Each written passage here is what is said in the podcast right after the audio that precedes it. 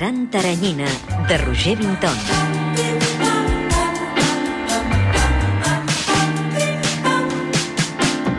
Qui mou els fils? Som 400 famílies i sempre som els mateixos, els que es passen al porró, que deien Millet i Núñez. Les grans nissagues, les elites que han ocupat el poder econòmic i també polític als darrers dos segles al nostre país. Quins secrets amaga aquest món endogàmic i què en queda de l'alta burgesia catalana? Aquest estiu, al matí de Catalunya Ràdio, fem un repàs, un recorregut pels grans cognoms amb l'autor del llibre La Gran Taranyina. Roger Vinton, bon dia. Hola, bon dia. Eh, Tampoc avui no ens revelarà la seva identitat? Doncs la veritat és que hi ha un munt de raons per mantenir aquest perfil baix i una, sens dubtes, que quan et dediques a, a investigar coses relatives al poder i després les publiques, doncs és bastant recomanable ser discret. Sí que m'ha d'explicar per què ens ha citat avui aquí on som ara, a l'antiga fàbrica d'AM, al carrer Rosselló de Barcelona. Doncs si parlem de grans famílies i grans empreses d'aquest país, no podem passar per alt la cervesera d'AM. Sometimes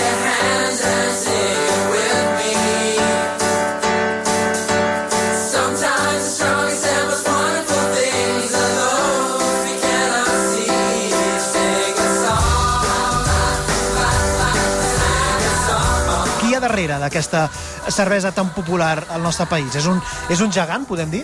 Doncs la veritat és que per les dimensions de Catalunya, DAM és un conglomerat empresarial molt i molt gran. Uh, factura prop de 1.300 milions d'euros anuals, genera uns beneficis de 100 milions any rere any, i la veritat és que fan més coses a part de la, a part de la cervesa. Eh, Les cerveses, per això, les fan totes. Eh, sí, les cerveses eh, ens ofereixen qualsevol necessitat que tinguem, perquè eh, les fan rosses, negres, de blat, sense alcohol, amb llimona, sense gluten... Tot el que podem necessitar, ells ens ho proporcionen. Però què més fa d'AM? Doncs també fa aigua, per exemple. Eh, hi ha una marca molt coneguda que és Beri, que és d'ells. Fan batuts de cacau, perquè són els propietaris del 50% de cacaolat.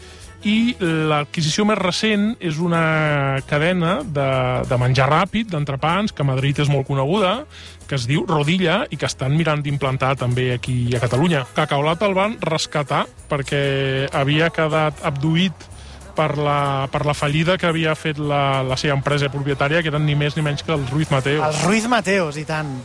I la van eh, rescatar mitges entre d'AM Sí, eh, va haver-hi una lluita bastant important, però la marca valia la pena, perquè sobretot aquí a Catalunya té molt prestigi, molta implantació, i la van rescatar a mitges amb, amb Covega, que era la, la concessionària de, de Coca-Cola, també Coca-Cola. catalana. Però si m'has citat aquí, segur que no és només per parlar de cervesa, estem parlant de les grans famílies, les grans nissagues, parlem de poder. La influència de d'AM, ens deia, va més enllà de la cervesa. Jo crec que sí. Eh, és una opinió molt personal, però no crec que, que, que m'allunyi gaire de la, de la realitat. Uh, per exemple, DAM eh, patrocina moltíssimes coses, moltíssims esdeveniments, eh, molts festivals de música. Jo entenc que, seguint aquella regla de que qui paga mana, al final la música que s'acaba promocionant i escoltant en aquest país, en certa manera, és la que complau als senyors de DAM. Jo tinc aquesta sensació que ells inverteixen molts calés en, en música i de manera ja sigui conscient, inconscient, buscada o no buscada, segurament el que acabem escoltant ha passat primer pel filtre d'ells. I li agrada a vostè la, la cervesa? Sí, m'agrada la cervesa. I la música i que promociona... La música trobo que és més per joves, però, però no està malament. Diu ells, qui són els propietaris d'aquest eh, conglomerat empresarial tan interessant? A veure, hi ha a DAM una diversitat d'accionistes, però els més importants és una família que es diu Carceller, que tenen més del 40% del capital, per tant, són els grans propietaris de- d'aquesta marca. Els Carceller. Els Carceller, una família de que després eh, farem una mica de repàs històric d'on surten i qui són, però que, que cal tenir en compte quan, quan parlem de, de poder a Catalunya. I tenen un 40% de, de l'empresa. Quins són els altres socis? eh, ells tenen un 40, efectivament, i són els màxims accionistes, i després hi ha una cosa interessant, i és que un 25% pertany a un grup estranger, que es diu Dr. Edker, que a la gent segurament li sonarà per les pizzas, que les anuncien molt per televisió. Doncs eh, la veritat és que Dr. Edker és molt més que pizzas. És un grup alemany gegantí, també familiar, que factura més de 10.000 milions d'euros, o sigui, mm, aquí a Catalunya seria l'empresa més gran pràcticament de totes. Clar, ha aquests- dit que DAM factura 1.300 milions d'euros anuals. Estem parlant de 8, Vuit vegades, més. sí, o sigui, imaginem les seves dimensions, sí, sí, sí. És una empresa molt, molt gran i fan moltes més coses a banda de, de, de pizza a Alemanya, toquen molts segments del, del mercat de l'alimentació. De l'altra part de capital que no hem dit, hem parlat d'un 40 i un 25, que era un terç de capital que està en mans de diverses famílies fundadores de les diferents empreses que es van agrupar en DAM. I una d'elles són descendents directes del senyor DAM. El que passa és que el cognom ja l'han perdut, perquè són, deuen ser tercera o quarta generació, el cognom ja s'ha perdut, però són descendents directes del senyor DAM i figuren encara al, a la propietat de la companyia. Imagino que els Carceller doncs, són una de les famílies més riques de Catalunya, però no sé si el nucli de la seva fortuna, si el negoci el fan eh, realment amb la cervesa. Doncs seria, seria fàcil pensar que si tens un negoci que genera 100 milions d'euros a l'any, és, el, és, és, és el nucli de, de la teu gran patrimoni, la teva fortuna, però realment no és així en el cas, de, en el cas dels Carceller, perquè tenen negocis en els que encara guanyen més diners que, que tot això. I una empresa, dintre de, de, del, dels seus negocis, que m'interessa molt, que és Ebro Foods. D'Ebro Foods, un 10% del capital, i per tant uns dels paquets accionarials més importants, pertany a DAM, i per tant indirectament als, als Carceller. I Ebro Foods és una empresa que convé repassar una mica la seva història perquè és molt interessant. Per què diu que és interessant, Ebro Foods? Per a mi representa, en certa manera, l'aristocràcia empresarial de l'estat espanyol tant si, si ho mirem des del punt de vista històric com de la gent que avui s'asseu al Consell d'Administració. Què fa Ebro Foods? Potser sorprèn a la gent, però actualment és el líder mundial del mercat de l'arròs, que això ja és dir molt. Hi ha una sèrie de marques que segurament tenim vistes del, del supermercat, Ebro Foods no. Ebro Foods no, efectivament. Ebro Foods potser podem veure Un petit a la logo. premsa financera, O a la premsa financera, però no, però no, no, és en els com, productes. no és com Estrella o com Dam. Ah, exacte. No ho exploten tant. Ells tenen altres marques que segurament quan anem al supermercat pensem que són competidores, que competeixen entre ells, però en realitat eh, tots els calés van a la mateixa butxaca. I per posar uns exemples, d'arròs, eh, sos, la cigala, brillante, la fallera...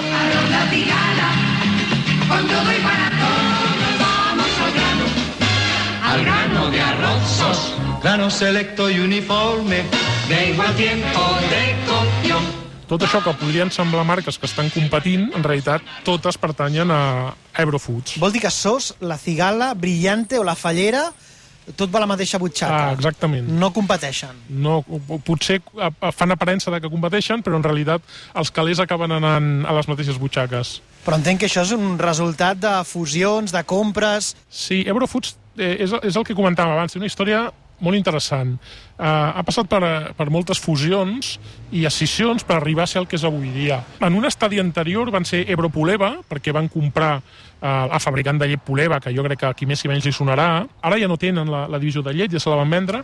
Abans d'això, Ebropoleva havia estat la fusió de dues companyies, una anomenada Ebro Agrícoles, que és la que dona nom a l'empresa actual, i una altra Azucarera Espanyola. També molt coneguda. Exacte. Doncs entre les dues tenien aproximadament el 80% del mercat del sucre espanyol. És a dir, eren gairebé un monopoli. Es van fusionar i van muntar el gegant Ebro Azucarera Espanyola. En aquesta secció que anem repassant les grans nissagues, les grans famílies, els grans cognoms, el negoci, sempre vostè acaba parlant de tèxtil, de cotoners i de sucre. Sí, són... Origen habitual de fortunes. Sí, sí, sí, els cotoners eh, a primera divisió a molta distància i després sucre i química també a origen de moltes fortunes. En aquest cas, Ebro Agrícoles, que és aquesta companyia que deien que es va fusionar fa uns anys amb Azucarera, mm, era ja el resultat d'una fusió, i això és molt interessant. Es va fus- fusionar una antiga companyia anomenada Ebro, a seques, espanyola, amb una altra anomenada Companyia d'Indústries Agrícoles, que aquesta companyia era ni més ni menys que la de la família Sunyol Ep, el sunyol. ja apareix per aquí una de les famílies rellevants de la, de la burgesia catalana. Ells eh, tenien vincles amb... Eh, tenien alguns negocis a Amèrica eh, i aleshores es van beneficiar molt de la pèrdua de les colònies, curiosament, perquè eh, havien comprat una sèrie de plantes de, de sucre de remolatge eh, que quan Espanya va perdre les colònies del Carib eh, es va perdre, per tant, tota l'oferta de, de sucre de canya i es va haver de passar a consumir sucre de remolatge, que era el que fabricaven ells. Per tant, aquí van fer molts calés, el Sunyol. Estem parlant de Sunyol, el president Culer afusellat pels franquistes a la Serra del Guadarrama, també del Sunyol de la col·lecció privada d'art. Exactament, són tots els mateixos. El, el Sunyol, president del Barça, que a més a més va ser president del RAC, eh, diputat per Esquerra Republicana, propietari del diari La Rambla, personatge molt singular, eh, doncs era d'aquesta família. De fet, es va poder permetre certes aventures empresarials gràcies als calés que, que, que tenien els, els seus pares. De fet, el seu fill, eh, Josep Ildefons Sunyol, va morir fa, fa molt poc, el novembre passat, i era un dels homes, no sé si podem dir, més discrets de la burgesia catalana, tan discrets que pràcticament no hi ha fotografies. Crec que li van donar la Creu de Sant Jordi. És habitual aquesta discreció, que l'alta burgesia no vulgui sortir a la foto, no sigui gaire amiga de la premsa? Sí, el cas de, de Sunyol, uh, d'Ildefons Sunyol, la veritat és que era un home pràcticament invisible. Ell es dedicava a les seves col·leccions d'art, no volia projecció pública, a més, uh, diguéssim que tenia certes reserves eh, pel que li havia passat al seu pare, eh, que l'havien afusellat amb només 38 anys per ficar-se en política, per tant era una persona que volia passar desapercebuda i que de fet és un perfil bastant freqüent dins, els, de, del que són els burgesos catalans. Aquest perfil baix de no voler ser conegut, simplement. Eh, hem de pensar que, que Sunyol, quan la fusella, en tenia només 38 anys i havia fet totes aquestes coses. Per tant, eh, es queden sense marit i sense pare eh, eh, molt aviat. I ells sempre van, van culpar la política no? d'aquesta orfanesa i d'aquesta viduïtat. Aleshores, eh, van tenir sempre molta recança a mostrar les seves preferències i les seves inclinacions en públic. Sí que en els últims anys es va detectar, eh, i es pot comprovar a la seva esquela, certa ca- catalanització del personatge, però no, no crec que fos així amb els anys anteriors. De fet, eh, segurament la seva recança no només era la política, sinó el catalanisme en general. Emparentats, per cert, amb els eh, Carné. Sí, sí, tenen, és curiós perquè amb els Carné tenen vincles duplicats, és a dir, hi ha matrimonis entre Carnés i Sunyols, i també, de fet, els, els Carné eren accionistes de la- de l'empresa de, sucre i sempre van estar al costat de, del Sunyol a, a tots els negocis. Són els mateixos Carné de, de Banca Catalana.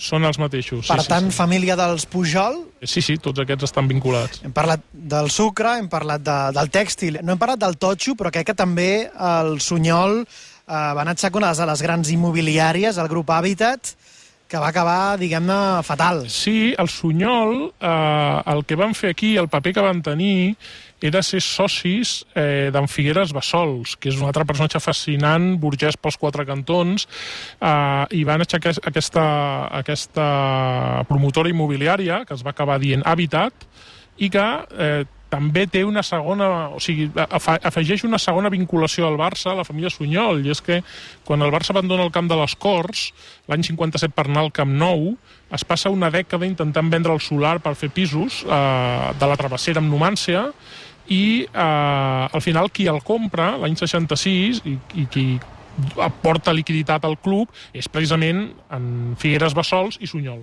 És a dir, que el fill, diguem-ne, compra els terrenys del club que havia presidit el seu pare. Correcte, sí, sí, sí. Eh, Tornem a Eurofoods, els Carceller, el Sunyer. Eh, Quins altres cognoms i accionistes trobem al, al líder mundial de l'arròs?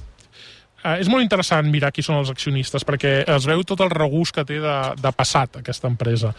Uh, per una banda, està l'estat espanyol com a accionista, a través de la CEPI, que la CEPI és el que era antigament l'INI, és a dir, les participacions empresarials de l'Estat. Doncs l'Estat és accionista d'Eurofoods. Uh, hi ha una altra pota molt interessant, que són els descendents de Joan Marc, el magnat mallorquí que va ser en el seu moment un dels homes més rics del món i que probablement, probablement amb els seus diners va, va decantar el resultat de la, de la Guerra Civil. Marc, eh, de la banca. Efectivament, tenen la banca Marc i tenen un holding empresarial que la gent que segueixi una mica la borsa coneixerà, que és la Corporació Financiera Alba, que és on agrupen algunes de les, de les seves participacions. Aquests són també aficionats a tenir un perfil baix. Eh, és molt difícil veure els Marc en públic, tot i la seva gran fortuna. Jo crec que al darrere hi ha raons vinculades a la, a la figura de l'avi, de- d'en Joan Marc. Eh, jo crec que encara hi ha coses per dir d'aquest personatge, el que es deia que era l'últim pirata de la, de la Mediterrània.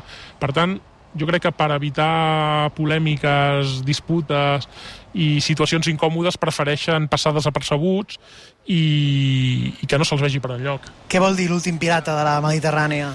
Doncs que era un personatge molt controvertit, Joan Marc. Eh, va heretar, entre cometes, un negoci de, eh, de contraband dels pares, que era molt típica a l'illa, en, en finals del, del segle XIX, i va, va, ho va fer créixer i sempre va estar envoltat per eh, les ombres en les seves pràctiques. Diguéssim que no era l'home més sentit de l'ètica del món. Algun altre cognom? Sí, eh, aquí trobem un cognom molt, molt curiós que el gran públic no coneixerà, perquè de fet no són ben bé catalans, són, són valencians, de fet, que són els Trenor, en aquest cas els Gómez Trenor. Aquesta és una família eh, de l'aristocràcia valenciana amb arrels irlandeses gairebé mitològiques que eh, bona part de la fortuna la van fer eh, en paral·lel a, a Sol d'Orella i Covega, és a dir, amb una concessió de Coca-Cola. I han anat reinvertint aquests calés en altres negocis i un dels negocis on tenen interessos és a, a. Torna a sortir el nom de Covega, tot està connectat. Tornem a Dam i els seus eh, màxims accionistes, els Carceller.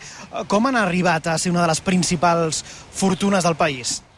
Hi ha un detall important, i és que l'actual president de, de DAM i cap de la, de, de, la família eh, se li diu Demetrio Carceller III. Dem- Demetrio Carceller III. Eh, això ja ens indica que han vingut dos abans i per tant que la nissaga eh, ha començat fa molt de temps i així és. El, el primer Demetrio, eh, orígens humils, va fer fortuna al no-res emigrant a Catalunya des del seu Terol natal. Per una sèrie de circumstàncies va poder estudiar un, estudis superiors, va fer el que seria equivalent a una enginyeria avui en dia, i va tenir l'oportunitat als anys 20 d'entrar al negoci del, del petroli. Eh, primer a la CAMSA, que era la, el monopoli estatal de petrolis, i després a una empresa privada, la primera empresa privada del petroli, que era la CEPSA, eh, d'accionistes catalans, curiosament. Eh, aquesta progressió social de, de tenir càrrecs directius a, a empreses que, que movien tants calés i tan estratègiques li va permetre eh, atenció, freqüentar el que seria el nucli fundador de Falange Espanyola I allà clar, allà va fer contactes fonamentals que més endavant li serviran, no només eh, durant la, la, la dictadura de Primo Rivera als anys 20, sinó més endavant, i un altre contacte que fa és precisament en Joan Marc, que estableix amistat amb ell i, i tot aquest currículum que està acumulant durant aquests anys 20 eh, li serveix, després de la guerra, per ocupar tota una sèrie de càrrecs públics, els ministeris, eh, que en aquella època permetien, a més a més, fer negocis en paral·lel. hem parlat de Demetrio Carceller III, del primer i el segon. Sí, el segon segurament és el menys conegut, simplement es va dedicar a mantenir tot el que havia creat el seu pare a nivell de negocis, va tenir algun càrrec públic, però vaja, eh, va estar bastant vinculat també eh, als alemanys, eh, en acabat de la Segona Guerra Mundial les empreses alemanyes són expropiades, és a dir, els alemanys no poden ser titulars de- d'accions de, de companyies, i aquí a Barcelona, a Espanya en general, una sèrie de personatges locals diguem-ne que assumeixen el paper de- d'aquests alemanys ocupant els seus, seus llocs. I estableixen uns vincles que jo crec que quan, quan els alemanys tornin a poder tenir negocis els hi resultaran molt útils. Ens parlava del petroli, ens parlava de Cepsa, de Camsa... No sé si queda algun rastre d'aquells inicis al món del petroli a la, a la nissaga, al patrimoni de, dels Carceller. Doncs la veritat és que sí, eh, queda un rastre molt gran, i és que jo crec que segurament eh, on tenen més patrimoni precisament és en el petroli, aquesta família. Ells tenen una companyia que s'anomena DISA, eh, que té la seu a Canàries, que es dedica a la distribució de, de gasolina, és a dir, gasolineres. És el grup independent més gran d'Espanya a nivell de gasolineres. En tenen unes 500, ni més ni, més, ni menys. Només els superen les, les marques multinacionals com pot ser Repsol, eh, Cepsa, eh, BP, però com a mm, distribuïdor independent són els més grans d'Espanya amb diferència. És a dir que rere les cerveses d'AM hi ha mig miler de benzineres. Sí, no, no, conforme anem traient el focus de la cervesera, veiem que va perdent tamany, també, va perdent les seves dimensions que ens semblaven gegantines al començament i veiem que només és una peça moderadament petita d'un imperi molt més gran, i un és aquest. Aquí falta totxo, no tenen cap propietat immobiliària, També, també. construcció... També, no s'acaba mai l'imperi dels Carceller. Són els segons màxims accionistes de Sacir, que és una, una constructora espanyola molt, molt important, eh, dels grans de, del país, eh, que potser la gent hi sona perquè fa no gaires anys va ser la que va dur a terme l'ampliació del canal de Panamà. Podem dir que els Carceller tot el surt bé? Quan toques tants pals i tens tants negocis, és inevitable de tant en tant Que tenir algun algun- accident. Sí, és inevitable. I en aquest cas el seu accident va ser amb una aposta que semblava segura i confiable, com era Pescanova. Qui no coneix Pescanova? Ultracongelats, líder espanyol i probablement mundial en, en això, amb vaixells propis, amb tota una flota, eh, doncs ells van fer una forta inversió a Pescanova pensant que era un negoci segur, però va resultar que no. Va resultar que eh, Manuel Fernández Sousa, el propietari, el membre de la família que s'havia encarregat d'aquesta branca de negocis de, de, de peix, perquè en tenen més aquesta família, però el que duia aquesta branca, que era Pesca Nova, va fer una gestió nefasta a tots els nivells eh, i va aconseguir eh, fer una fallida d'una empresa que era tot un imperi. Va deixar un deute de mm, doncs com 1.500 milions d'euros aproximadament. Va esfondrar un transatlàntic. Sí, mai millor dit, sí, sí. I aquí els Carceller eh, van veure enganxats en 40 milions d'euros, que mm, pot semblar poc per tot el que tenen, però Clar, són molts calés. 40 milions d'euros... Amb un any de dam ja ho recuperen, Per és això. cert, però estic segur que els hi va doldre molt. De fet, el mateix Carceller va fer unes declaracions resumint que Pesca Nova eh, havia estat una punyetera estafa, literalment. Una punyetera estafa. Així ho va dir. Més entrebancs dels Carceller? Una mica abans d'això van tenir el típic entrebanc que es troba en la majoria de fortunes, Què vol dir? Que és topar amb Hisenda.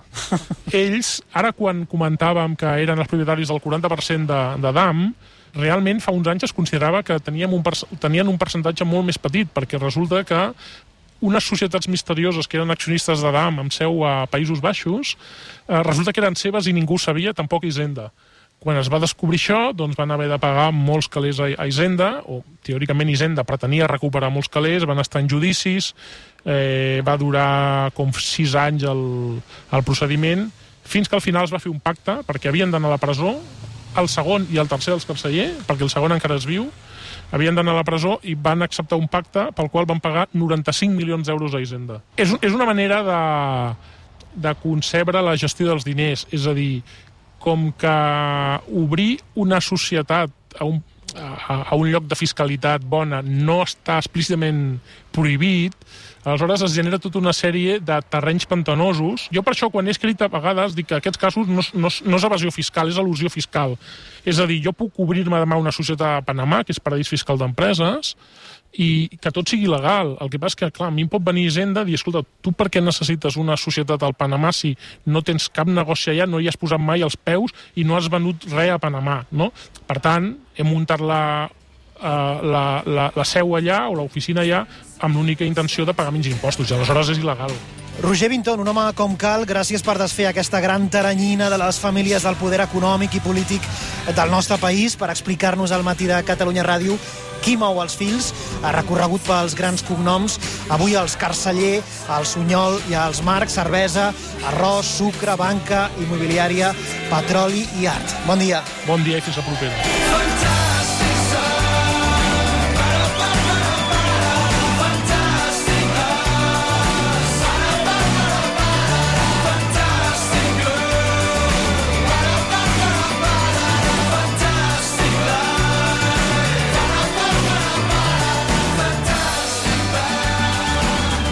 El matí de Catalunya Ràdio.